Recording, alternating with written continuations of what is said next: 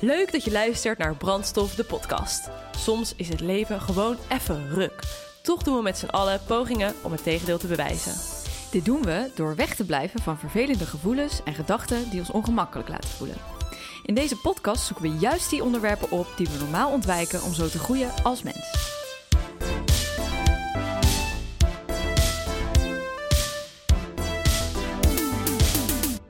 Hey, leuk dat je weer luistert naar een nieuwe aflevering van Brandstof, de podcast. Ik zit hier tegenover Romy in de studio van Geuren en Kleuren. De jongens van Vetcamp die hebben hun eigen podcastlabel, uh, zijn ze gestart. Dat heet Geuren en Kleuren. Dus als je ons hier vaker over praten, dan weet je waarom. Uh, ja, vandaag gaan we het hebben over leren voelen. Veel mensen uh, kampen met burn-out verschijnselen of uh, nou, paniek, benauwdheid, stress of onrust. Misschien herken je dat zelf wel.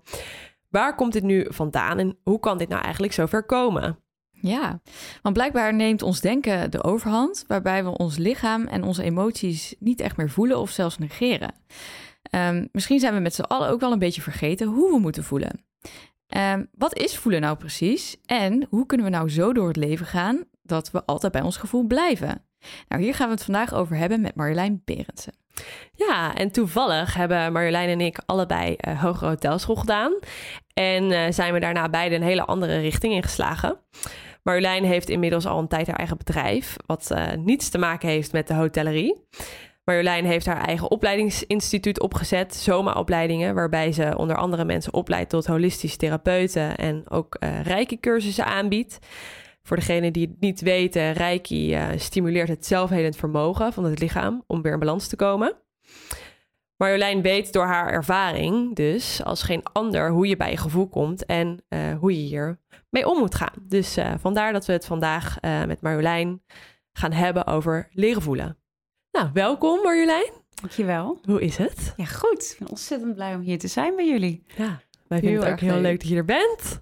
Ja, ja, zeker. Leuk. Ja, nou, ik denk dat het leuk is um, om aan de luisteraars even te vertellen wat meer over, over jou. Uh, om daar iets te weten over te komen. Hè, want je, vertelt, je, hebt, uh, uh, je vertelde ons al eerder dat je hoge hotelschool hebt gedaan. Mm -hmm. En nu doe je dus totaal iets anders. Ja, dat klopt. Ja, hoe, hoe is die overstap voor jou, hoe is dat gegaan? Nou, ik heb de hoge hotelschool gedaan, maar ik voelde in mijn jeugd al wel dat ik wat anders was. Gewoon meer dingen voelde dan wat andere mensen voelden. En um, ben een hoge hotelschool gaan doen. Ik kom uit een super nuchter gezin. Mijn vader was standaard. Moeder zat in het onderwijs. En spiritualiteit was gewoon echt nadan. Dat kon gewoon echt niet. Um, dus zo nuchter ook, met, zoals ik was, hoge hotelschool gedaan. En daarna het bedrijfsleven in. En nou, toen merkte ik gewoon dat ik steeds meer en meer in mijn hoofd kwam. En ik merkte gewoon dat uh, het alleen maar ging over prestaties, hard werken, targets en eigenlijk de mens niet meer goed werd bekeken. Ja, en ik merkte dat ik daar wel last van kreeg. Dat ik zoiets had van, nou, ik, heb, ik zit niet meer zo goed in mijn gevoel.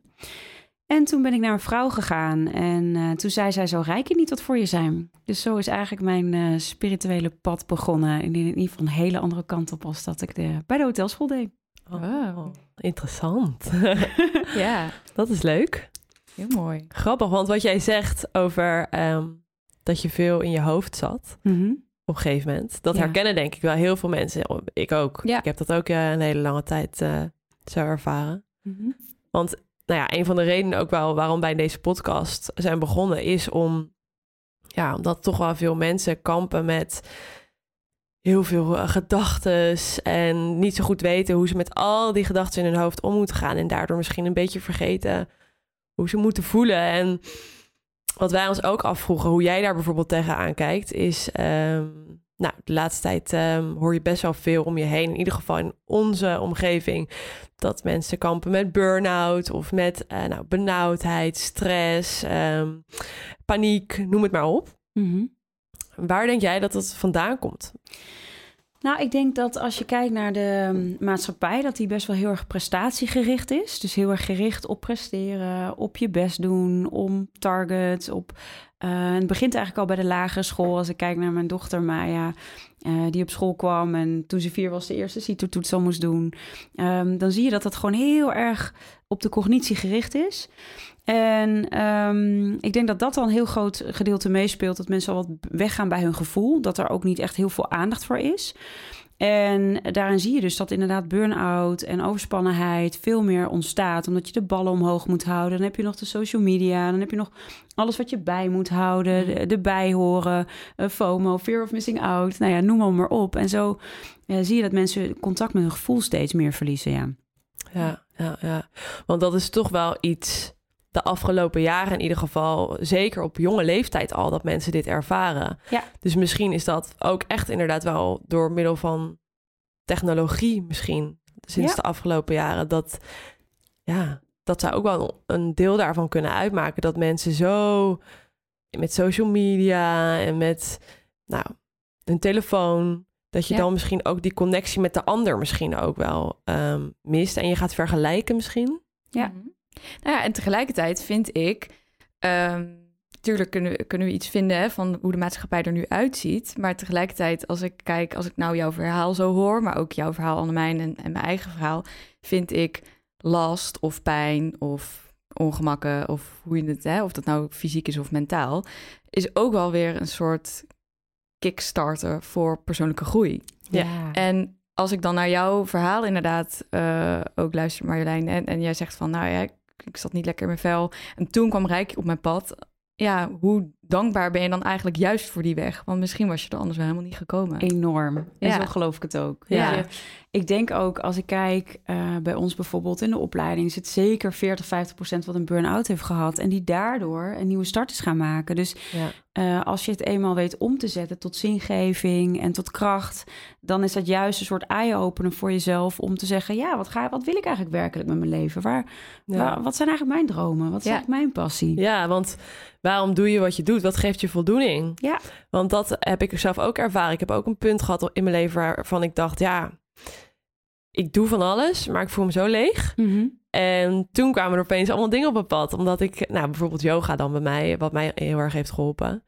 Maar ik geloof daar ook wel heel erg in, omdat soms moet je dus blijkbaar op een bepaald punt komen, wat eigenlijk een soort van gateway is naar, uh, ja, om dichter bij jezelf te komen. Mm -hmm. ja, absoluut. Ja, ik las laatst ook een, um, uh, het is heel bekend, een, een quote van uh, uh, Rumi. Ik weet niet ja, of ik het goed ja, uitspreek. Ja, Rumi. Um, ja, dus niet Romy, jongens, voor luisteraars. Romy. quote myself. Maar de, de, de cure for the pain is in the pain. Ja. En ik denk ook, nou ja, wat we ook heel, heel graag van jou zouden willen weten is van... Hoe komt het nou dat mensen zo verward zijn over wat ze voelen? Want uh, hè, heel veel mensen ervaren dan heel veel pijn. Mm -hmm. Maar daar ontstaat dus heel veel verwarring uh, over. Terwijl, ja, als je daar dus naar zou kunnen kijken als... oké, okay, wat laat dit me zien? Ja. Uh, dan, dan is die verwarring weg. Maar zou jij daar iets over kunnen zeggen van hoe dat dan komt? Waar, hoe zou het komen dat mensen daar dus zoveel verwarring over voelen? Nou, ik denk dat het al begint bij dat het er niet mag zijn. Dat dat het eerste is. Dat we ook gewend zijn in de maatschappij om eigenlijk altijd je goed te voelen. Of altijd goed te moeten kunnen functioneren. Terwijl je heus wel dagen hebt. Iedereen heeft dagen dat je minder voelt. Of, um, dus als je constant die lat hoog legt, dat je altijd goed moet voelen. Dan ben je constant pijn aan het onderdrukken. Dus heb je ook niet geleerd om dat daarvoor te openen en dat gewoon te laten zijn. En jij zegt het zo mooi. Ik vergelijk het altijd met een soort van oceaan dat wij, uh, nou ja, dat mensen zijn als oceanen, dat heel veel mensen aan de oppervlakte zitten van die oceaan waar um, golven heel hoog gaan, waar tsunamis zijn, waar er heel veel wind is en uh, mensen veel heftige ervaringen hebben. Terwijl als je veel meer eigenlijk zakt in, in je zijn, in het thuis zijn in jezelf, dan kan je veel meer omarmen wat er is in die leegte, in die stilte. En ik zeg altijd van ja, weet je, je hebt dolfijnen en je hebt haaien. En dolfijnen zijn zeg maar je fijne emoties en dat wat je leuk vindt en, en prettig is en goed voelt. En um, ja, de, de, negatieve emoties zijn als haaien en dat, is, dat wil je niet. Dus dat ga je weg willen proberen te stoppen. Maar die oceaan die stopt dat niet weg. Dus het is de nee. kunst inderdaad om alles er te laten zijn en ja te zeggen in de wetenschap dat je emoties niet bent, in de wetenschap dat je gedachten niet bent en je lichaam niet bent, maar puur hebt. Ja. En ik denk als mensen dat veel meer beseffen, oh ja, ik ben eigenlijk gewoon dirigent van een orkest en ik, en ik, ik sta, ja. ik, ik heb de regie. Alleen is het wel de kunst om denk ik dingen te doorvoelen. En wetenschap laat zien dat je echte emoties, rauwe emoties, maar maximaal anderhalf minuut duren. Ja. Dus dat is zo mooi eigenlijk uh, wat ik, eh, ja, wat ik gun, dat heel veel mensen, maar vooral eigenlijk bij de jeugd al begint van, ja, omarm maar gewoon wie je bent met alles wat er is. En elk mens heeft dat, niemand uitgesloten. Ja. ja, dat is ook grappig wat je zegt over in de jeugd eigenlijk al, want ook wat je, het voorbeeld wat jij net noemde over uh, jouw dochtertje, zei je mhm. toch? Ja, dat we eigenlijk op de basisschool en op de middelbare school ik denk dat het heel belangrijk is dat we dit daar al meekrijgen. En ja. nou, we zijn nu dan zitten we bij ingeuren en kleuren in de studio. Daar, daar nemen we nu, uh, nu op. En uh, nou, die, uh, die jongens die uh, vertelden ons toevallig, voordat we deze podcast ingingen, daar ook iets over. Want nou, ze zijn bezig met zomerschool, waar ze dus leren aan kinderen um, over creativiteit en bepaalde onderwerpen. Nou, ik ga bijvoorbeeld zelf ook yoga en mindfulness workshops geven op die zomerscholen. Mhm. Terwijl dat zijn eigenlijk onderwerpen, die creativiteit, maar ook die mindfulness. Zo belangrijk. Waarom is het niet sowieso onderdeel van het curriculum? Weet je, dat is toch wel grappig. En misschien gaan we daar ook wel een beetje naartoe steeds meer. Ja, ik hoop het. Ik hoop dat kinderen veel meer in hun lijf kunnen zijn. Ik denk dat uiteindelijk daardoor prestaties ook kunnen verhogen. Hè? Als je het kijkt even vanuit van resultaatgerichtheid, wat, waar toch de maatschappij op is gestoeld. Dat is een kind leert te aarden, goed bij zichzelf te zijn. Um, en dat alle emoties mogen zijn. Ja. ja. Ja, en ik denk dat, dat wat jij uh, dus nu doet, hè, want enerzijds kun je natuurlijk bij de kinderen aan de slag gaan, mm -hmm. uh, dus door op scholen bijvoorbeeld dingen te doen, maar wat ik ook las, wat jij ook doet, is, uh, ik weet niet of ik het goed zeg, holistisch opvoeden? Of klopt? Ja, ja. Leuk. dat vind ik dus ook heel tof, want dan ga je dus met de ouders aan de slag. Ja, ja. oh ja. Ja want uiteindelijk is natuurlijk de pijn of de, of de kopingsmechanismes, die, die, alles wat de kind aanleert, dat leren ze van hun ouders vooral. Mhm. Kun je daar eens iets meer over vertellen hoe dat eruit ziet? Ja, ja holisme is natuurlijk wat, uh, wat in ons, uh, nou ja, weet je, waar zomaar heel erg voor staat. Uh, holistisch wil eigenlijk zeggen um, dat een mens bestaat uit fysiek, lichamelijk dus, emotioneel, dus je allerlei emoties, mentaal, je gedachten, maar ook energie. Hoe zit je in je energie? Heb je veel, heb je weinig energie? En wij noemen dan het laatste niveau eigenlijk je diepste niveau, spiritueel niveau noemen we het dan. Maar je zou kunnen zeggen dat is waar je zielenwens ligt en je hartenwens is. En zo hebben we eigenlijk een programma geschreven voor burn-out, maar dus inderdaad ook voor holistisch opvoeden. Ehm, hoe, hoe, voed je jezelf, maar ook hoe voed je inderdaad kinderen op. En dat gaat eigenlijk ook over, ja, wat, um, hoe kan je een kind nog meer in zijn kracht zetten? Eigenlijk van al die niveaus, maar ook als opvoeder, of ook als moeder of als vader. Um, want dat speelt natuurlijk ook een hele belangrijke rol. Je kan wel heel erg op het kind richten dat het zich ontwikkelt. Maar als vader of moeder niet goed in het vel zit en uh, je kindje voelt heel veel. Als Maya voelt dat ik verdrietig ben en ik zeg nee hoor, dat ben ik niet. Ja, wat leer ik haar dan aan? Ja. Oh, oh, dat heb ik niet goed gevoeld bij mama. Ja. Oh, ik, ik, ik, ik zit waarschijnlijk verkeerd. Terwijl als ik zeg van ja, ik voel me ook, uh, ik voel me inderdaad verdrietig. Het mag er zijn en je leert eigenlijk met je kind ook om moeilijke dingen in je leven uh, aan te kunnen. En dat, dat je kind kan spiegelen van, oh ja, hoe doet mama dat dan? Oh ja, mama laat het er ook even zijn. En daarna is het weer oké. En ik denk dat dat voor holistisch opvoeden heel erg gaat. Dat je vanuit al die niveaus kan kijken, wat heb jij, maar ook wat heeft je kind nodig? En dat je vanuit die basis gaat werken, waarin je kind volledig ziet, hoort, voelt um, en onvoorwaardelijk van kunt houden. Of het nou een goed of slecht cijfer haalt, zeg maar. Oh, ja. Wat mooi zeg. Ja, heel mooi. Heel mooi. Ik vind het ook grappig wat jij zegt. Um, uh, ook over wat je dan hebt meegekregen vanuit vroeger. Ik heb uh, een paar dagen geleden heb ik een, uh, een online training gegeven. Die, wat ging over patronen doorbreken. En ik had daar toevallig een eigen voorbeeld van mij ook in zitten. waarbij ik dus uiteindelijk merkte dat ik, nou, mijn ouders die, nou, die hadden helemaal niet zo vaak ruzie. Die hadden af en toe wel een discussie, maar ik was als kind best wel gevoelig, best wel sensitief. En ik, ik nou, ik voelde altijd wel wat er, wat er aan de hand was. En ondanks dat bij ons thuis dat, dat mijn ouders best wel open waren en dat er veel werd besproken, um, kreeg ik toch blijkbaar onvoldoende ondertiteling over wat is er nou aan de hand. Dus voor mij, ik heb heel erg vastgezet. Hoewel ik het later daar met mijn ouders nog over had, dat dat gewoon een discussie was en dat dat oké is. Maar ik heb heel erg vastgezet, oh, dit is heftig. En gelijk de angstige gedachten, hoe misschien gaan ze wel uh, scheiden. Want ik was als kind ook best wel angstig, omdat ik gewoon heel veel nadacht over van alles en nog wat. En mijn ouders lieten me heel erg vrij en heel veel eigen verantwoordelijkheid. Dus ik kreeg ook die ruimte om maar te blijven ratelen over dat soort dingen. En dat heeft er uiteindelijk wel in geresulteerd dat ik later in mijn leven best wel conflictvermijdend ben geworden. Ja, ja. Um, en tegelijkertijd ben ik dus ook opgevoed met het idee van, hè, maar je moet wel uh, je, je, je, je pad, uh, je eigen pad volgen en je eigen dromen waarmaken. Dus ook wel gecombineerd met voor jezelf opkomen en, en je eigen ding doen. Waardoor ik eigenlijk dus heel afstandelijk dus ik kan, kon wel heel snel klaar met iets of iemand zijn, maar dus ook heel conflictvermijdend. En dat ben ik nu nog steeds aan het uitwerken. Dat ik denk, nee, wacht even. Er zit nog een fase voor. Ik kan met mensen ook in gesprek en ik kan ook delen wat iets met me doet. Dus ik vind het heel grappig wat jij nu zegt. Uh, dat dat ook echt een kern is hoe we, de, hoe we hè, bijvoorbeeld het burn-out probleem. Ja. Uh, dat is niet een probleem alleen maar van nu. Dat is natuurlijk, dat zijn de kinderen van een generatie hiervoor. Ja, Want dat, zegt, dat zegt, het is heel systemisch natuurlijk. Ja, het is heel systemisch. Het is een soort van gevolg van ja, hun jeugd, onze jeugd. Ja.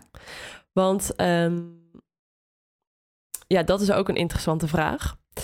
Hoe ontstaat uh, gevoel eigenlijk? Waar komt het vandaan? En hoe kun je het nou eigenlijk echt gebruiken? Ja, ik denk dat um, ja, gevoel is best wel een breed begrip. Hè? Sommige uh, scharen daar de emoties onder. Anderen die zien ook weer dat daar de intuïtie onder valt. Hè? Dus wat is je onderbuikgevoel? Dus het is denk ik goed om die twee inderdaad wat meer uit elkaar te halen. Uh, dan heb je natuurlijk uh, gevoelens die voortkomen uit gedachten. dus het is eigenlijk de kunst om uh, te gaan voelen voor jezelf van waar ga ik naar luisteren.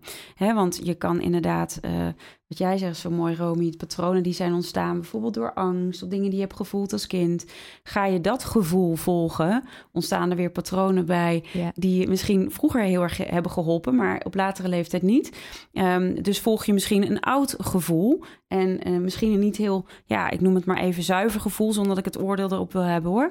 Maar ik denk dat de kunst is als je echt wil zeggen van goh, hoe ga je je gevoel volgen, is dat je eigenlijk steeds meer terugkomt bij je kern, bij jouw intuïtie. En hoe meer je opruimt, uh, jij zei het ook al zo mooi, uh, Romy, dat je aan het opruimen bent van je, uh, nou ja, eigenlijk je patronen en mm. alle dingen aan het doorbreken bent. En um, dat hoe meer je opruimt met alle pijnen die er zitten, hoe meer je uitkomt bij eigenlijk je werkelijke gevoel. Hoe voel jij je over iets? En daar ook de tijd voor nemen. Want ik, ik ken het zelf bijvoorbeeld. Ik ben heel uh, uh, sensitief uh, afgesteld, zeg maar. Dus ik kan heel snel voelen wat mensen voelen. Of um, ik kan heel erg ook meegaan inderdaad in een mhm. harmoniemodel, zeg maar. Van, oh ja, wat vindt de ander fijn? Maar ik heb daar ook wel echt ruimte nodig om eens te voelen van... ja, maar hoe, hoe voelt dat eigenlijk voor mij? En wat vind ik daar eigenlijk van? En hoe zuiver je bij jezelf komt en hoe meer er is opgeruimd... Um, ja, hoe zuiver dat is. En dus niet vertroebeld door misschien wel triggers of pijnen vanuit je verleden. Want heel veel dingen kunnen natuurlijk ook triggeren vanuit je verleden. Dat hè, als er iets is gebeurd um, um, vroeger, dan kan het zijn dat dat nu nog speelt. In situaties dat je denkt, ja, maar dat is eigenlijk toch niet meer van nu. Ja, dus ik denk dat de kunst is om steeds nou ja, meer op te ruimen. En hoe je dat dan ook doet, hè, dat maakt natuurlijk niet uit of je naar een therapeut gaat of naar yoga of reiki doet of wat dan ook. Ja. Wat voor jou werkt. Ja, er zijn heel veel tools natuurlijk voor. Ja. ja, en de kunst is denk ik wel heel erg, als je het hebt over in gevoel komen, ook heel erg in je lijf komen. Mensen vergeten dat vaak een beetje. Um, ik zie heel veel mensen die zoveel in hun hoofd zitten en zoveel moet gebeuren. En dan heb je ook nog de techniek, wat jij zo mooi zei, en, en alle um, nou ja, alle prikkels die er zijn, om weer echt even af te schakelen en weer terug te gaan bij jezelf. Uh, dat je echt ook goed in je lijf kan komen. Dus neem ook tijd om te wandelen of om te rust te pakken. Ja. En op jouw manier. De een doet dat misschien juist door sporten en de ander door mediteren. En ja. wat is spiritualiteit dan? Of wat is eigenlijk bewustwording? En volgens mij is dat heel erg persoonlijk ook wat bij jou past. En Precies. Juist niet zweverig, maar gewoon heel erg bij jezelf zijn. Ja, en ik denk dat dat mhm. voor iedereen verschillend is. Want een van de dingen wat ik wel eens hoor van mensen van ja, maar waar, ik weet niet zo goed hoe ik moet voelen. Mhm. En ja, wat, wat is dat dan precies? Van ja, ehm, ik, sommige mensen vinden het heel moeilijk om emoties onder woorden te brengen. Mhm. En ik denk inderdaad dat het voor iedereen heeft zijn eigen manier om weer terug te komen bij zijn gevoel. Want je, uiteindelijk voel je wel wat je voelt. Mhm. Alleen moet je misschien daar echt bewust de tijd, oh, sorry, de tijd voor nemen om. Uh, ja, om daar weer in te zakken, in, letterlijk in je lijf te zakken, om weer afstand te nemen uh, van de, de dagelijkse gang van zaken, om maar even zo te zeggen, om dingen weer helder te kunnen zien en voelen. Ja, mhm. en ik denk inderdaad dat wat jij net zei, Marjolein, van dat het dus begint met, omdat daarom voelen mensen zich zo verward. uh, van, oh ja, ik weet eigenlijk niet wat ik voel. Omdat je dus verschillende, verschillende vormen van voelen hebt. Ja. En als je dus dan aan iemand gaat vragen, oh wat voel je? Dan kan het best wel veel zijn of verwarrend. Terwijl, ja, dus eigenlijk wat jij zegt, als je daar dus eerst mee aan de slag gaat, van oké, maar wacht even, waarom voel ik dit? Is dit een oud gevoel? Waarom voel ik wat ik voel? Uh, ja. Is dit inderdaad gedachten gestuurd? Um, Annemijn en ik hadden het er gisteren ook nog over, weet je wel, dat wij echt nu uh, in op dit moment in ons leven heel duidelijk een verschil voelen tussen, oké, dit is emotie gestuurd en intuïtie gestuurd. Ja. En intuïtie omschrijven wij dan wat meer als een innerlijk weten. Ja. Dus bijna niet eens een, een, een emotie. Ja, het is niet het is geen emotie. Ja, het is wel een gevoel, maar niet een emotie. Terwijl soms heb je ook gewoon. Uh, en dat is misschien ook ergens wel intuïtie, maar hè, eh, Marjolein kwam hier net binnenlopen en het is gelijk, oh leuk, en het is alsof we elkaar al heel lang kennen.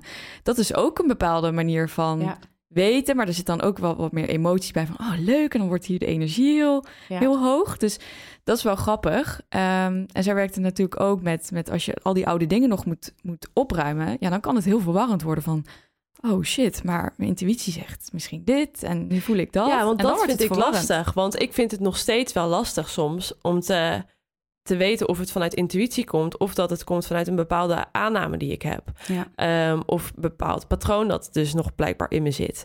En daar probeer ik dus wel heel bewust mee om te gaan. Maar dat vind ik wel lastig, want nou ja, uh, ik kon bijvoorbeeld wel zeggen van ja, oh, dit voelt zo goed, dit ga ik doen. Of nee, dit voelt echt niet goed, nee, dit ga ik niet doen. Maar komt dat dan vanuit intuïtie? Ik denk het niet, want het komt waarschijnlijk vanuit echt een emotie. En je intuïtie is dus niet hetzelfde als een emotie. Het is wel een gevoel, ja, maar dus gaat niet gepaard met emoties, toch? Nee, ik, ja, nee. In, het is um, zoals ik het dan zie, of zoals ik het ervaar. Um, dus intuïtie is echt split-second werk. Zoals ja. jij ook al zo mooi ja. zei, Romy. Dit, um, en jij noemde het soort van weten. Ja, wij, ik zie het dan meer als intuïtieve vermogens. Dus het helder zien, dat je ineens dat voor je ziet. En ja, dat gaat gewoon gebeuren. Ja. Het uh, weten van, ja, dit klopt. En ook dat een split-second van, yes, dit voelt goed. En dat je op het moment dat je er pas over na gaat denken... dan komt het, ja, ik noem het het ego. Ja. Denken, het, het, uh, alles wat Heel erbij herkenbaar. komt kijken. Ja. Uh, het helder voelen. Dat je voelt, hè, zoals wij elkaar nu zagen, zo met elkaar. dacht ik, wow, ik ken jullie al. Jullie zijn gewoon zo leuk. het is gewoon een heel bekend gevoel. En dat, is, dat is directer. En dat is niet gestuurd door iets wat gemanipuleerd is of, of gecontroleerd. Dat is zo puur gewoon, heel zuiver. Um, ja, nou ja, het helder ruiken en het helder proeven is vaak wat minder bekend. Maar ook dat je ineens iets, uh, iets proeft en dan weer herinnering hebt aan iets. En dat kan soms ook inzicht geven. Maar ik denk hoe meer je in je lijf komt, hoe meer je ook kan voelen waar het vandaan komt. En intuïtie, ja, bij de een is dat een gevoel in de onderbuik en bij de andere is het inderdaad een weten. Ik denk dat het ook de kunst is van, ja, hoe werkt dat voor mij? En jezelf te leren kennen. Hoe, Um, ja, hoe, hoe dicht je bij jezelf kan zijn. Ik, vaar, ik vaar echt blind op mijn intuïtie inmiddels. Het is heel grappig, want tijdens dit gesprek... en dat, dat is wel ook even leuk om te delen, denk ik... dat is ook pas iets waar ik me de laatste tijd echt bewust van, van ben geworden. Maar altijd als, als iemand iets zegt wat voor mij zo waar is... dan krijg ik kippenvel. En ik heb tijdens deze podcast heb ik al drie keer kippenvel gekregen. Oh, dat, ik heb het nu, nu jij ja. het zegt. Ja, en, zo, en dat is dus ook, dat voel ik terwijl ik altijd dacht Oh ja, nou, ik, ik, ik heb dat niet echt op een speciale manier. Bij mij is het gewoon een soort weten. Maar nu ik jou dit hoort zeggen, denk ik... Nee, inderdaad. Soms zie ik het heel visueel. Soms is het kippenvel. Dat is dan echt wat meer voelen.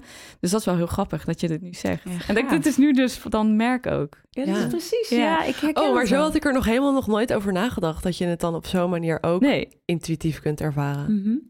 Gaaf, hè? Ja. Dat is leuk. Dat is ook leuk. Ja. ja, ja, heel grappig. Ja, want het is inderdaad, wat jij zegt, het is niet alleen maar het onderbuikgevoel. Het is, is inderdaad ook helder zien of echt letterlijk ja. op je huid dus voelen zoals kippenvel. Ja. ja, grappig. En ik vind het inderdaad grappig dat heel veel mensen van, oh, helderziende. En dat, dat het dan gelijk een medium of met, met een waarzeggingsbol. Maar eigenlijk is het gewoon letterlijk helder zien. Iets helder zien of iets heel helder voelen.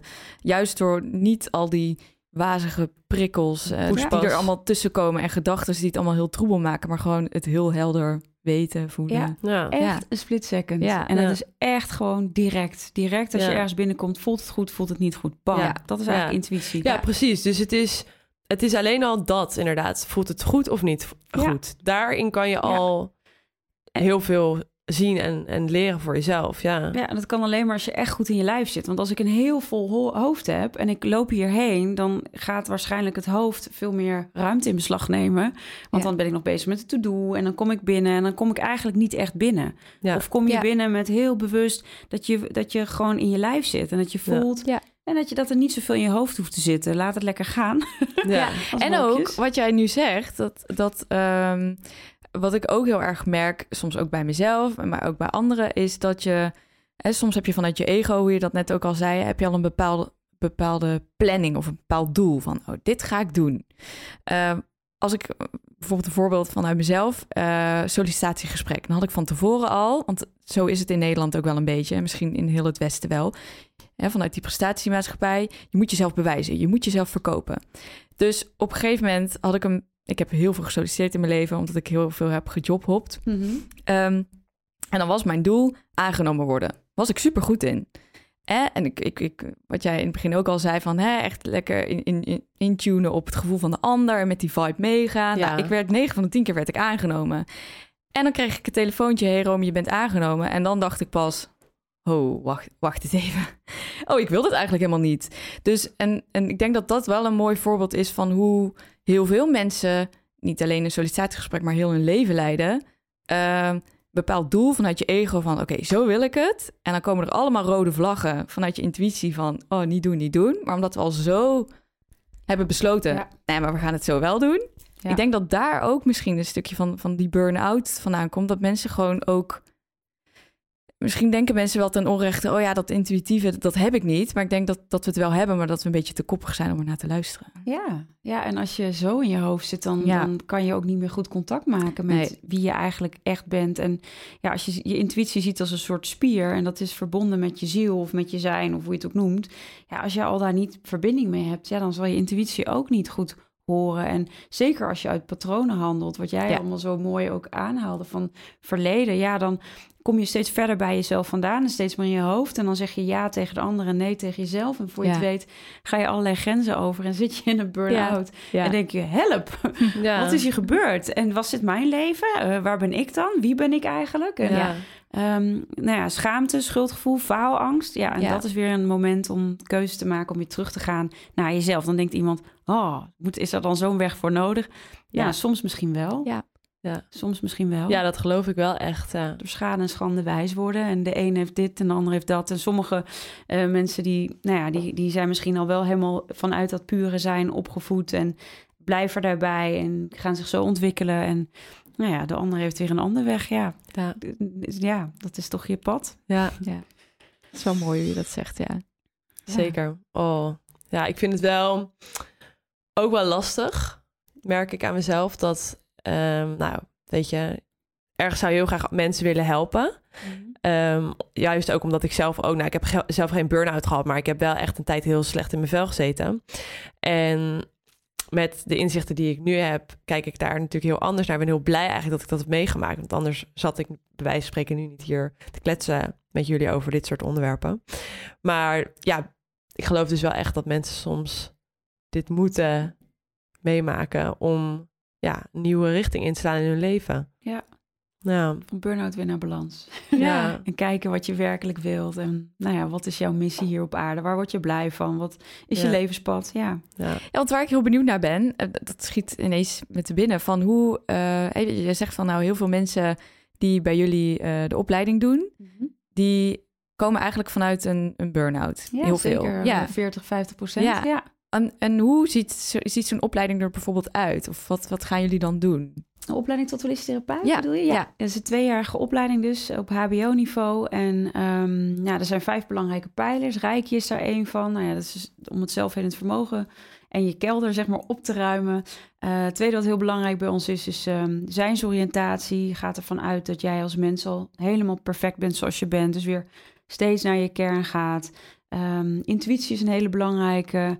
Um, holisme is heel erg belangrijk in die zin dat je echt als mens uh, één geheel bent. En dan ja, noem ik altijd de gereedschapskist als vijfde pijler. Dat zijn alle werken met edelstenen, klankschalen, remedies, rouwverwerking, verliesverwerking, uh, chakra's, de aura. Ja, echt van alles en nog wat coaching, therapie EFT, Sedona, innerlijk kind. Nou, eigenlijk allerlei verschillende dingen die je vanuit je, uh, ja, vanuit je zijn kan uh, afstemmen op een ander een hulpvraag, zeg maar. Ja, mooi. Ja, Echt heel, interessant.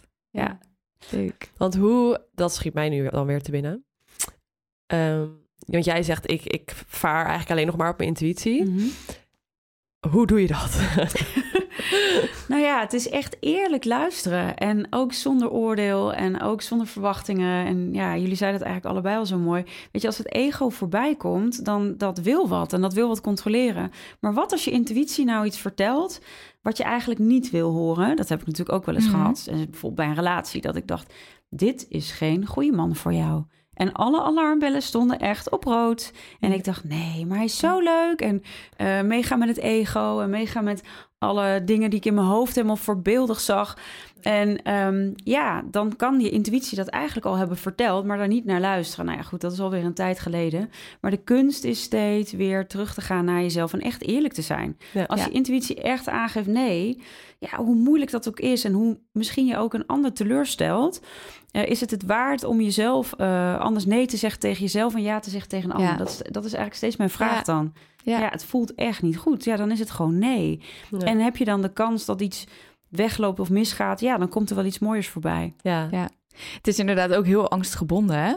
Ja. Uh, het durven vertrouwen op, op je intuïtie. Ja. Uh, omdat het ego heeft het allemaal zo mooi uitgedacht, allemaal, hoe het er dan uit gaat zien. En heel grappig, want Annemijn en ik hadden het er hiervoor nog over. Voordat jij binnenkwam, waren wij gewoon aan het lullen, as usual. Mm En toen ging het, uh, toen hadden we het ook over dat, ja, dat je soms dus zo iets vast kan hebben gezet van oké, okay, zo, zo moet het gaan. Uh, en als, op het moment dat je dan loslaat, um, ja, dat, dat het misschien dan wel mooier zou kunnen zijn. Ja. Ja. Um, ja, dat is het ook. Want, want de controle komt uit je hoofd. Ja. En gevoel komt uit je hart, komt uit je zijn. En dan ja. veel meer. Want dat zei je inderdaad. Ja, uh, van die behoefte aan controle. Aan controle. We, we, hadden het er bijvoorbeeld over dat nu wij merken dat we uh, echt voor onszelf zijn begonnen in, in in, qua werk. Dat het ineens is, oh, uh, en ik weet ook niet hoe dat voor jou is, ben ik ook wel zo meteen benieuwd naar. Uh, je bent natuurlijk ook ondernemer. Van dat je nu, omdat je voor jezelf bezig bent, kijk, als je voor, voor bijvoorbeeld een baas werkt, dan is het aftikken, aftikken, aftikken. Uh, je bent vrij en je geniet van je, van je vrije tijd. En nu is het, zeker als je bezig gaat met dit soort onderwerpen, net als met bewustzijn, er is nooit een eindstation. Dus kan, voor ons allebei ligt het soms wel eens op de loer dat we ons heel uh, unfulfilled voelen, zeg maar. Omdat het, dat het nooit klaar is. En toen zei Annemijn ook van uh, uh, die, die hang naar controle.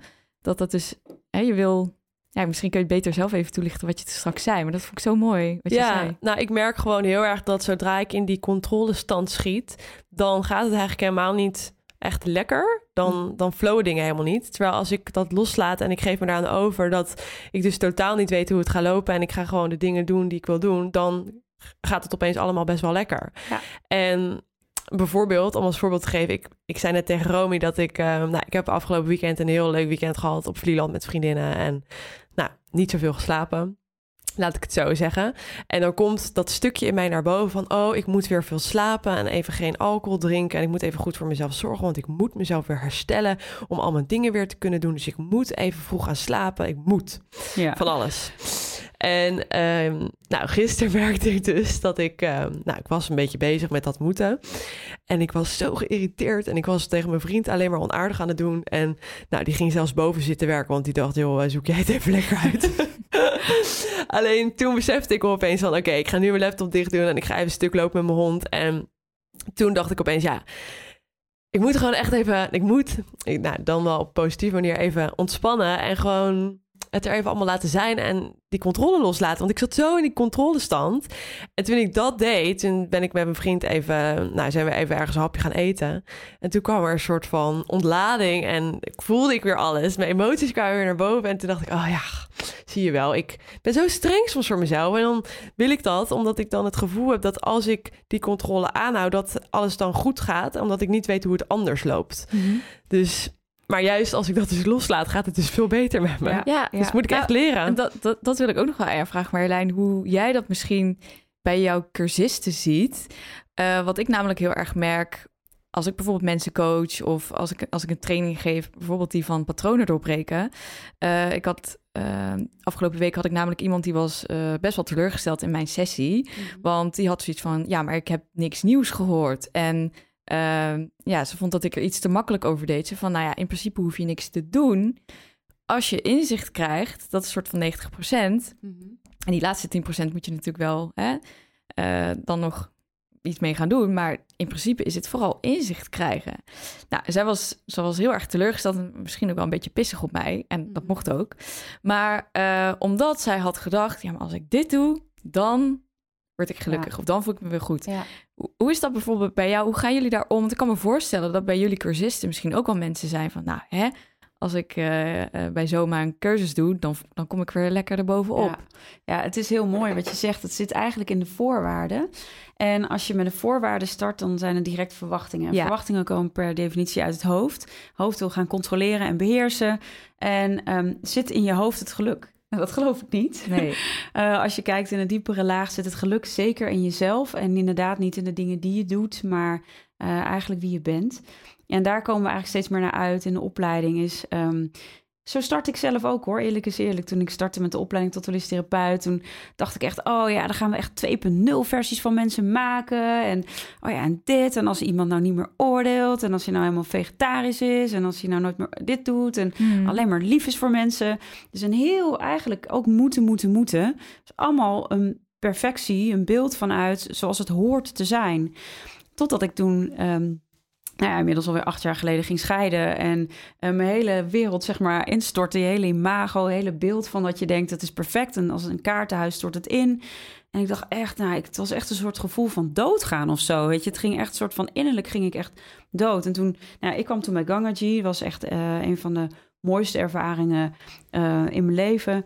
En ik zat bij haar podium en ik was echt, ja, ik, ik, ik was echt helemaal niks meer. Gewoon echt alles wat ik ooit had gedacht of alles wat ik had opgebouwd, ook aan beeld van mezelf, alles was gewoon weg. En toen zei ze: Oké, te midden van deze ellende, wat is er nu nog steeds? Wat is vertrouwenswaardig? En ik voelde zoveel liefde en licht in mijn hart. En toen dacht ik, ja, dat zit er natuurlijk altijd al. Je bewustzijn, zoals je als kind wordt geboren, je geluk, je liefde en hoeveel shit je dan ook hebt, dat zit daar gewoon omheen als een laag. Maar dat is niet wie je bent. Dus als je daar steeds naar terug kunt gaan, dan heb je dat altijd mee. En of je dan die goede baan hebt, of of je dan die leuke partner hebt, en of je dan uh, gezegend bent met een prachtige dochter zoals ik, dan um, ja, dat, dat is een aanvulling in je leven en niet een invulling. Want die invulling ben je zelf. Jij wordt met jezelf stakjes oud.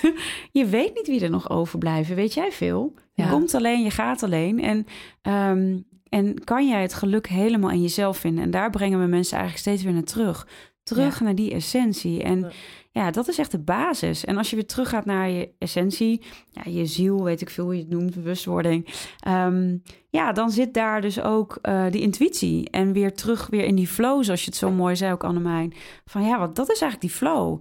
Het hoofd vindt dat het allemaal iets moet. Mhm. En dat is een imago eigenlijk van wat je een plaatje in je hoofd hebt van, oh ja, ik zie mensen. Het begint natuurlijk al heel jong, weet je, met, met de Barbie spelen, die zijn, zien het perfect uit, de sprookjes. Um, ja. Ik zag onderzoeken van meisjes van 16 die al iets van, ja, weet ik, misschien al een miljoen uh, afbeeldingen op Insta hebben gezien of waar dan ook, uh, hoe het perfect, perfectie zou moeten zijn. Um, dus dat ga je op een gegeven moment ergens in je onderbewustzijn ook wel opnemen. Van, dat, dat, dat zal het dus wel zijn. Ja. Maar als je dat hebt en je breekt het weer af en het is allemaal weg, ja, je vindt jezelf. Nou ja, alles wat nu in mijn leven is, is dus een aanvulling, geen invulling. Ja. ja. dat is echt een mooie En daarmee is het inderdaad, verwacht je dus ook minder van die aanvullingen, maar is het wat het is. En dan kun je er heel dankbaar en dan, voor zijn. En dan ga je daar ook minder waarde aan, uh, aan hangen. Want als je alleen maar jouw eigen waardigheid uh, verleent aan externe zaken, dan ja, ja, dan, is dat super zonde. Ja, ja. en, dan, en het is nooit genoeg. Het is nooit genoeg. Nee, want, want dat was voor mij ook heel erg. Ik kom uit een super prestatiegericht gezin, waar het heel erg ging op hard werken. En ik heb ook heel erg in jouw verhaal, Romy, met sollicitaties. En weet je, oh ja, het vooral laten zien. En um, terwijl als je dus uit die energie zeg maar doorgaat, dan ontwikkel je patronen door te gaan pleasen, door niet nee te durven zeggen, confrontatie vermijden. Dus ik ja, herken ja. het heel erg. Ja, maar ik ben ook heel erg ja. en nog steeds. Trouwens. Precies, dus nou ja, dat, dat, dat, dat delen we dan alle drie. Het schept een band. Het schept een band, inderdaad. Um, maar dan ga je uiteindelijk dat heel erg die leegtes proberen te vullen. Want als je zelf uiteindelijk steeds meer gaat voelen dat je het waard bent om van te houden, dan heb je die erkenning niet nodig. Ja, leuk als iemand dit een fijne podcast vindt. Ik bedoel, daar ben ik oprecht blij om. Maar als het niet, uh, als mensen er helemaal niks aan hebben, is het ook oké. weet je, uh, volg gewoon lekker je hart en doe waar je blij van wordt. En ja, het, het, maakt het leven zoveel makkelijker en zoveel relaxter. Ja. ja. Jeetje, wat een tijd heb je over gewoon, als je er niet mee bezig hoeft te zijn. Ja, ja. mooi. Echt waar. Het is echt mooi hoe je Wat hier ook wel op aansluit, um, waar ik nu ook steeds, uh, steeds meer nu daar ook mee bezig ben van oké, oké, wat, wat is nou van mij en wat is nou van de ander? Wat jij nu ook zegt, hè, dat als iemand inderdaad de podcast of iets anders van wat wij doen niet leuk vinden, um, ja, wat is eh, het herkennen van de emotie van de ander of het oordeel en dat van jezelf? Want soms raakt dat elkaar. Ik bedoel, soms als iemand kritiek heeft op mij, dan kan ik daar, hè, mijn ego kan daar echt heel erg iets van vinden. En soms zie ik superhelder. Wacht even, dit zegt vooral iets over jou. Heb jij daar tips over, zeg maar, hoe mensen. Want ik denk dat daar ook heel veel verwarring over ontstaat. Dat we heel vaak de aanname doen dat dat wat van een ander is, dat we dat naar ons gaan toetrekken. Ja. Ja, per definitie wat een ander van jou ziet, is zijn of haar projectie. Dus sowieso is dat altijd een, spiegelt dat altijd iets van hem of haarzelf. Dus als ik het mooie in de ander zie, zie het ook, kan je ook het mooie in jezelf zien. Dus als je, dat was een tijdje terug, uh, werd het op een gegeven moment een beetje zo'n hype van uh, op het internet. Hoe mensen elkaar kunnen afmaken gewoon. En hoe zo'n sport daarvan wordt gemaakt. En een hele lange tijd heeft me dat best wel geraakt. En waarom zou je een heel schattig meisje die iets, iets doet op de tv, waarom zou je dat niet leuk vinden, dacht ik dan. ga, je, ga je bewust drukken op vind ik niet leuk. Dat, daar kon ik dan echt, daar kon ik me echt over opwinnen. Ik denk, dit is zo'n cute meisje, kom op, waarom ga je, weet je, dat, dat gevoel. En toen dacht ik, ja Marlijn, het is iets van jezelf, weet je, een bepaalde verwachting die ik heb. En Ehm, ik, ik hoop dat mensen steeds meer kunnen zien van... hé, hey, kan je het mooie in de ander zien... en dan kan je ook het mooie in jezelf zien. En uiteindelijk is het altijd een spiegel. Ja. En dat wat je, wat je niet fijn vindt aan de ander... zal altijd iets zeggen over jou. dus als iemand uh, zogenaamd mijn grenzen overgaat... gaat het eigenlijk over dat ik mijn, mijn grenzen niet aangeef. Ik laat iemand over mijn grenzen gaan. Ja. dus iets... Ja, weet je, dus het heeft totaal geen zin om je bezig te houden met dat wat een ander van je vindt. En dat is best lastig, want Instagram en, en, Facebook, ja, alles gaat over de likes en dat soort stukken. En dat kan je dus ook heel erg uh, bij jezelf vandaan halen van, oh, dan maar zoveel likes. Of, oh, oh uh, dit is niet precies wat ik van had verwacht. Dat is wel heel herkenbaar. En dan gaat het weer terug naar, oh ja, maar waar gaat het eigenlijk echt over? Ja, ja het is dus ook wel interessant dat uh, in wat je zegt over die spiegel, zo zie ik het ook heel erg. Um, dat is dan wel weer leuk om te kijken van, joh, iets wordt heel erg getriggerd in mij. Maar wat is dat dan precies? Want een irritatie bij een ander zegt heel vaak iets over jou. En um, wat nee, als het je raakt. Alleen dan natuurlijk. Alleen als je het raakt. Ja, ja, precies. Dus als het jou iets doet, ja wat wordt er dan in jou getriggerd, waardoor jij dat en dan kan je leren. Ja. En dan daarbij stilstaan en dan zegt het iets over nou, jezelf. En wat jij net ook daarvoor zei van als je op een moment dat je dus hele wat, je, wat jij zei over dat uh, eigenlijk ben je als, als een soort phoenix uit, uit de as herrezen van als je echt nou innerlijk doodgaan zeg maar hè? als je innerlijk doodgaat wat blijft er dan nog over als je dat helemaal helder hebt en als je dat eenmaal weet en als je dat weet omarmen dan maakt het dus ook niet meer uit wat iemand anders van jou vindt of die ene like. En ik merk inderdaad nog wel bij mezelf dat, en zo, zo snel gaat het dus, dat, dat ik me toch wel mijn nieuwe identiteit daar ook weer op heb gebaseerd. Zo van, oh, die ene like, uh, meer of minder. Of um, laatst was ik op vakantie, was ik een week met vakantie en toen had ik me echt voorgenomen, oké, ik doe even mijn laptop helemaal dicht. En toen was het dus zondagavond en die maandag ging ik weer werken. En ik, ik was echt heel erg onrustig. En toen ging ik dat onderzoeken. En toen dacht ik, ik ben onrustig omdat ik het idee heb. Mijn dieper liggende overtuiging is, het is belangrijk om succesvol te zijn. En om succesvol te zijn moet je hard werken. Ja. Dus je moet iets doen om uiteindelijk, als je hem helemaal plat slaat, om heel te zijn, of om een goed mens te zijn, of om gelukkig te zijn. En toen dacht ik echt, Jezus Romy, je, je, hebt net lekker vakantie gehad. Mag het even, weet je wel? Maar dat was wel, en toen dacht ik, oké, ja, daar ben ik dus nog. Ja, en dat vind ik ook oké, maar dat ja, was maar wel... het, is, het is wel een goede... Het is heel mooi wat je zegt, vind ik ook. Weet je? En uiteindelijk uh, moet ik iets doen om eigenlijk heel en compleet te zijn. Of ben je dat eigenlijk in wezen ja. Ja. Weet je, en dat is wat ik ook Maya heel erg wil meegeven, mijn dochter. Weet je, ze is al helemaal goed zoals ze is. Weet je, je wordt toch perfect geboren. Is er iets op aan te merken aan een baby? Nee. nee. Die puurheid en die zuiverheid is het dan nog steeds. Ja. Die gaat niet weg. Nee. En ik herken het heel erg hoor, want ook ik heb dat patroon van, ja, ik moet even dit of ik moet dat. Of en ik, oh stop Marjolein, van wie moet je dat dan? Ja. Ja. En wat gaat het je opleveren? Wat als ik vandaag dood ga of morgen dood, dood ja. neerval? Ik heb drie auto-ongelukken gehad, dus ik, ik ben oh, wel wow. jeetje, met uh, ik heb wel af en toe de dood in de ogen even bijna aangekeken. Oh. Uh, niet overigens niet mijn schuld trouwens, maar um, maar dan nog, weet je, dan, en elke keer wel momenten zo van, oké, okay, maar heeft dat hele harde werken, wat heeft het me opgeleverd als ik er niet meer ben? Of ben ik er echt voor mensen en laat ik echt iets wezenlijks hierachter op aarde? En dat ja, dat je mensen gelukkig kan maken en dat mensen weer tot de essentie ja. kan brengen, waar het eigenlijk werkelijk over gaat. Ja, hoe mooi is dat? Ja, heel mooi. En wat, wat, wat ik nu ook bedenk, stel, ik weet niet of het uiteindelijk onze doelgroep gaat zijn, maar stel, er luistert nu iemand en die is vader of moeder en die denkt, ja, leuk wat jij zegt, hè, van je kind is, geef mijn kind vooral mee dat, dat het al helemaal goed is. Er zijn ook heel veel mensen die dus nu nou ja, de beetje leeftijdscategorie van Annemijn en, en ikzelf, de, de millennials, ja. denk van ja, maar die zijn veel te verwend, die zijn te beschermd en die hebben alles gekregen. Waar zit voor jou het verschil? Ja, kijk, is het, is het, uh, wat heb je gekregen? Is het gekregen in materia materialisme? Is het gekregen in studies? Is het gekregen in, cognitieve kennis? Of ga je veel dieper kijken?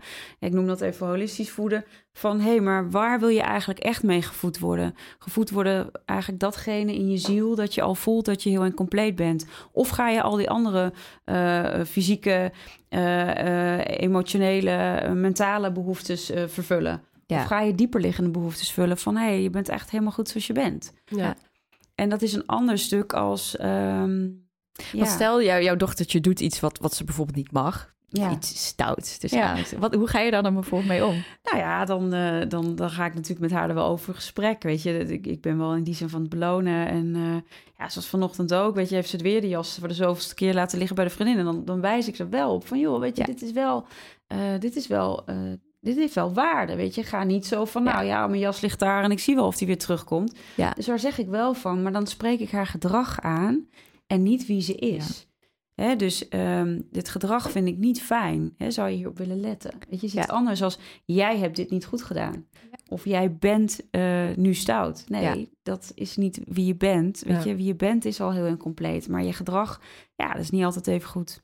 Ja, heel mooi. mooi heel mooi voorbeeld. Ik denk inderdaad dat dit het verschil is. Maar ja. ook niet alleen met kinderen, maar ook uh, in management op, uh, ja. op een kantoor. Want soms worden mensen misschien heel erg aangesproken op uh, zichzelf als persoon, terwijl het ja. dus aan hun gedrag ligt. Ja. En dat is ook iets, daar zijn mensen zich natuurlijk niet van bewust. Misschien dat ze dat, ja. dat, ze dat dan bij iemand uh, ja. dat gevoel oproepen. Ja. Nou ja, het is wel echt, in, als, als ik kijk naar, uh, uh, naar, naar bedrijf, hè, Flink, waar ik dus werk, met me, ook met mijn ouders. En wat ik heel erg van mijn vader heb meegekregen, en dat vind ik echt heel waardevol. en we heten niet voor niks Flink, mm -hmm. omdat we echt zeggen wat we vinden. Maar het is nooit op de persoon het gaat altijd over het gedrag wat iemand laat zien. En dat is zo'n wezenlijk verschil, waardoor mensen echt veranderen. Ja. Want ik zie dus ook wel eens dat uh, nou, mensen bij uh, hele lieve psychologen terechtkomen, waar ze iedere week gezellig een kop koffie of een kop thee drinken. Ja. En daar zien we dan ook geen verandering. Ja, maar, maar ze vinden het wel heel erg fijn. En dan denk ik, ja, maar het hoeft niet fijn te zijn. Het moet vooral behulpzaam zijn. En ik denk dat daar de de balans zit tussen wel uh, uh, inderdaad hè, uitspreken wat je vindt en, en wat je voelt of wat iets met je doet, maar op gedrag en ja. niet op wie iemand is. Ja, ja. ja precies. Dus dat, dat, dat is echt de essentie van dit, dit alles. In opvoeding, in, uh, ja, en eigenlijk alles. En het gaat gewoon om dat mensen weer terugkomen bij zichzelf en ja. echt thuiskomen en niet in de cognitie, in het moeten. Oh ja, ik moet nu thuiskomen bij mezelf. Ja, ja. dat is wordt het weer een doen. Thuis, thuis ben je al. ja. Heel Thuis mooi. ben je al, het moet alleen blijven. En ja. uh, nog even iets anders wat ik ook um, aan jou wilde vragen. Mm -hmm. Want, nou ja, stel er zijn mensen op dit moment aan het luisteren en zij voelen juist wel best wel veel. Mhm. Ehm, maar vinden het misschien vervelend of lastig om te bepalen van. Want we hadden het net al natuurlijk over die spiegel. Maar ik heb bijvoorbeeld wel eens, ik weet niet of, of jullie dat, nou ja, denk het wel, maar andere mensen die luisteren dat ook ervaren. Dat als ik ergens ben, bijvoorbeeld ehm, op een verjaardag of ik ben met twee of drie mensen tegelijk, dat ik me opeens heel rot kan voelen. Mhm. En dan denk ik, nou, nu weet ik, nou, nog steeds niet heel goed, maar over het algemeen wel dat dat gevoel niet van mij is, dat ik dat van iemand overneem. Mhm.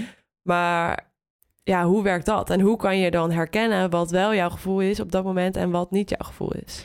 Ja, als je echt emoties van anderen overneemt, dan, nou ja, dan hebben ze een woord voor hooggevoelig, zeg maar.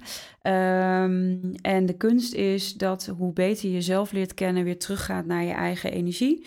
En kijken of je, ja, ik noem dat de spreekwoordelijke uh, volumeknop, zachter kunt draaien. En daar zijn wat technieken voor, um, waarbij je kunt, wat meer kunt leren afschermen, wat meer kan gronden, goed bij jezelf zijn.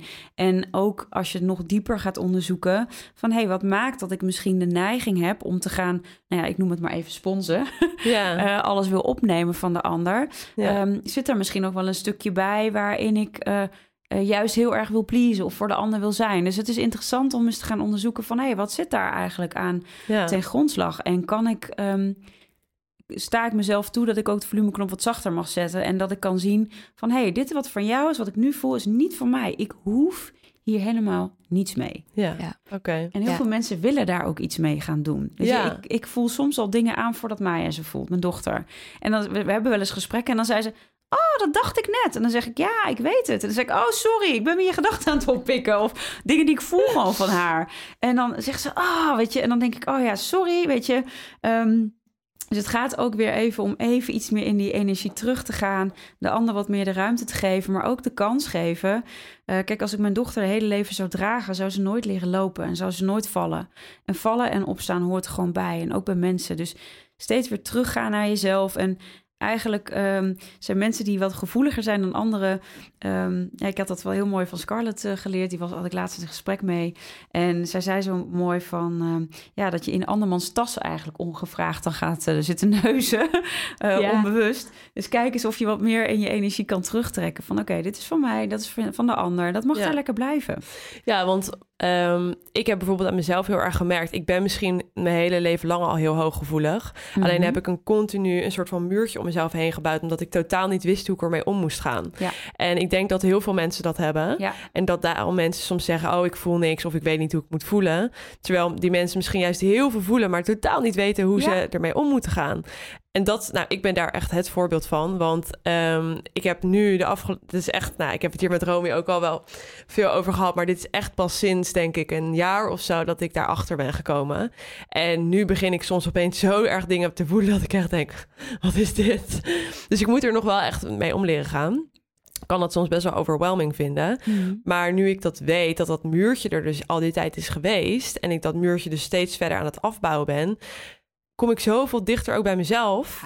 En dat, ja, daar ben ik gewoon echt heel erg blij mee. Want dat, dat, ja, dat voelt gewoon letterlijk goed. Ik voel me beter in mijn energie. Ik weet veel meer welke kant ik op wil gaan. En het is alsof ik thuis kom. Ja. Terwijl ik dat niet heb gehad. En klinkt misschien heel vaag, maar um, ja, dat is. Ik denk toch dat er stiekem heel veel mensen zijn die misschien net als ik altijd zijn opgevoed vanuit best wel toch al die prestatiedrang. En mhm. nou, zoals onze maatschappij eigenlijk ook is. En dat daarom misschien er soms het idee ontstaat dat er ook niet echt ruimte is voor die gevoeligheid. Ja. Terwijl, ja. nou, dat is juist super belangrijk. Ja, of juist andersom. Als ik bijvoorbeeld naar mezelf kijk, dat ik. Uh, nou, geloof ik, dat kun jij misschien beter vertellen dan ik, dat, dat mensen die bijvoorbeeld hoogsensitief zijn, zo worden geboren. Maar als ik naar mezelf kijk, had ik dat ook nodig om controle en grip te krijgen op mijn leven. Dus ik moest juist mijn gevoel heel erg aanspreken, omdat mijn ouders, uh, ik neem ze dat verder niet kwalijk, maar daar heb ik ook heel vaak met ze over gehad, maar omdat mijn ouders me eigenlijk onvoldoende ondertiteling aan het leven gaven. Dus ik moest ook heel erg voelen als kind, als je nog niet ja, de taal hebt om echt met mensen in gesprek te gaan. Van oké, ja, hoe, uh, hoe, hoe, hoe, zit, hoe zit het er allemaal? Hoe, hoe zitten we er allemaal bij?